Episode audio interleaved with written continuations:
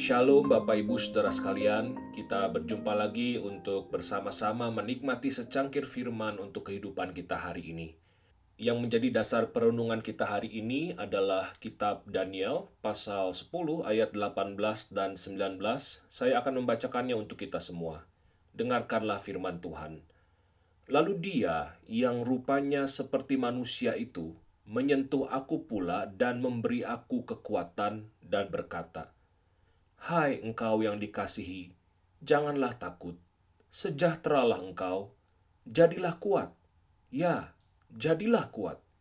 Sementara ia berbicara dengan aku, aku merasa kuat lagi dan berkata, Berbicaralah kiranya Tuanku, sebab engkau telah memberikan aku kekuatan. Yang berbahagia ialah mereka yang mendengarkan firman Allah dan memeliharanya. Haleluya. Bapak Ibu Saudara sekalian, sejak minggu pertama pandemi COVID-19 terdeteksi di Indonesia, gereja kita setiap harinya menyebarkan topik doa untuk sama-sama kita doakan.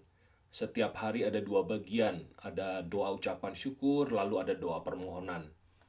Kalau Bapak Ibu Saudara mengikuti doa ini setiap harinya, maka kita sudah sampai di bulan ketujuh kita berdoa namun begitu banyak permohonan kita yang tidak Tuhan kabulkan.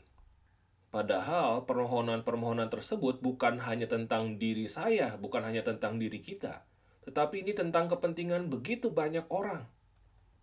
Kita memohon supaya Tuhan melindungi para tenaga kesehatan di seluruh fasilitas kesehatan di Indonesia.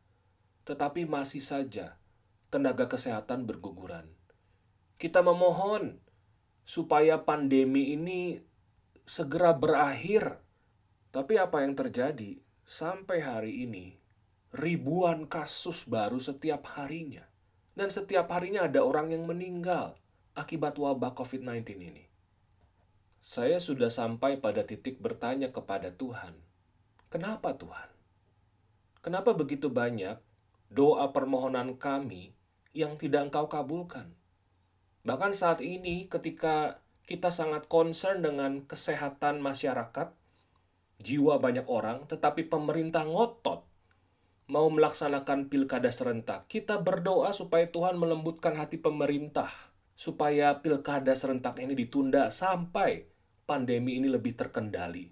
Tetapi sampai detik ini, pemerintah tetap kekeh akan melaksanakan pilkada serentak di bulan Desember ini. Sekalipun Berdasarkan salah satu hasil survei, 80% rakyat menolak pilkada serentak di bulan Desember tahun ini.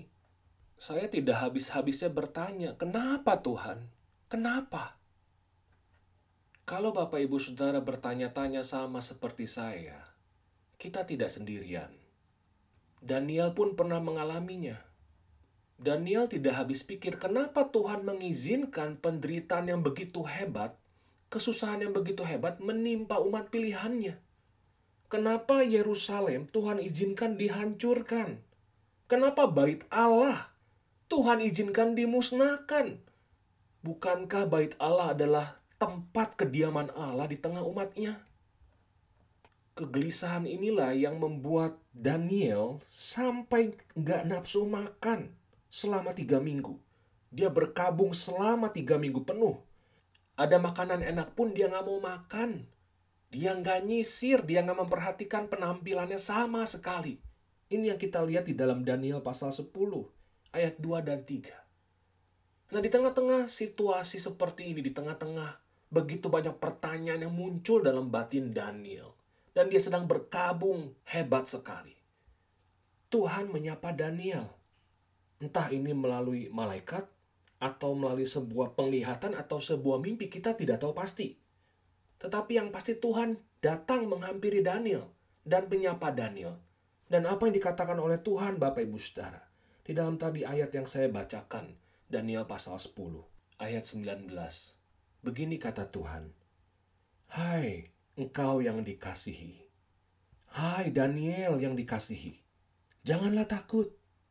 Sejahteralah engkau jadilah kuat. Jadilah kuat, Daniel. Di tengah-tengah perkabungan yang Daniel sedang alami, yang Tuhan lakukan adalah Tuhan meneguhkan Daniel bahwa Tuhan itu mengasihi Daniel. Tuhan mencintai Daniel, mencintai umatnya. Sekalipun Daniel punya begitu banyak pertanyaan, sekalipun kesengsaraan penderitaan sedang dihadapi umat pilihannya. Pertanyaan-pertanyaan Daniel tetap tidak terjawab. Kenapa Tuhan? Kenapa Tuhan izinkan semua ini terjadi? Tetapi Tuhan meyakinkan Daniel. Daniel, aku mengasihimu. Kamu mungkin tidak mengerti apa yang sedang terjadi. Dan mungkin tidak akan pernah mengerti. Tetapi satu hal, kamu harus mengerti dan yakini. Aku mengasihimu. Saya teringat dengan pengalaman waktu hari-hari pertama saya mengantar anak saya masuk sekolah waktu masih TKA. Waktu itu ada salah satu teman sekolah dari anak saya yang nangis, nggak mau masuk kelas, kejar di luar kelas Bapak Ibu. Nangis kencang sekali. Waktu itu tentunya orang tua nggak boleh masuk ikut ke kelas ya Bapak Ibu Saudara. Jadi orang tua meninggalkan anaknya dan anak ini saya kebetulan kan saya di gereja begitu anak saya di pelangi kasih jadi saya ngeliat anak ini nangis terus di luar nangisnya aduh kita tahu sendiri ya bapak ibu ya kalau ngelihat anak kecil nangis tuh rasanya hati luluh yang nggak tega ngelihat anak begitu. Waduh sedih banget ya kayaknya. Saya bayangkan mungkin dalam benak dia dia bertanya-tanya kenapa sih mama atau papa ninggalin saya di sini kenapa saya ditinggalin di sini sama orang asing ini ibu guru atau bapak guru yang mengajar dia di kelas. Kenapa saya harus ditinggalin seperti ini? Kenapa mama nggak nemenin aku? Kenapa papa nggak ada di sini?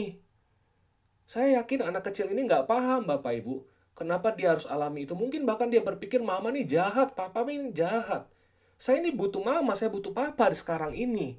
Tapi saya ditinggalin begitu aja. Bapak Ibu, saudara sekalian, Mungkin di tengah banyaknya pertanyaan kita saat ini, kenapa Tuhan tidak mengabulkan permohonan-permohonan kita? Kita ini mungkin seperti anak kecil tadi.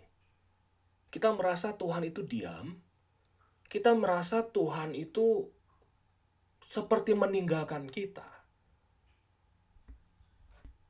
Tapi mari yakini satu hal Bapak Ibu Saudara, bahwa Tuhan sangat mencintai kita. Dia tidak akan pernah berhenti mengasihi kita.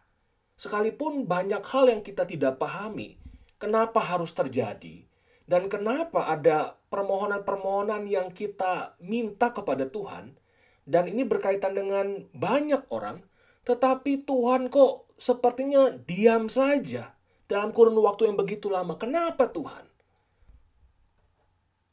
Mungkin kita tidak akan pernah mengerti tidak akan pernah memahaminya.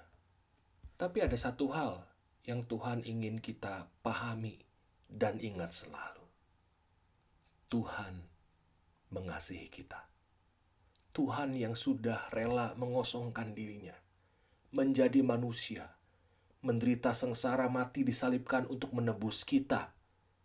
Tuhan yang satu itu mengasihi kita, dan Dia tidak akan pernah berhenti mencintai kita. Bukan hanya selama masa pandemi ini, tetapi bahkan setelah pandemi dan sampai selama-lamanya, Tuhan mengasihi kita. Mungkin hari ini kita merasa beban hidup terasa semakin berat, semakin hari semakin berat. Semakin hari semakin banyak pertanyaan, semakin hari semakin banyak keraguan. Tuhan berkata kepada kita hari ini, Bapak Ibu Saudara sekalian. Hai anakku yang kukasihi, jangan takut. Sejahteralah engkau.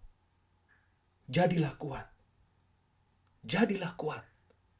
Aku mengasihimu. Aku menyertai kamu senantiasa sampai kepada akhir zaman. Selamat dicintai oleh Tuhan. Tuhan memberkati kita semua. Amin.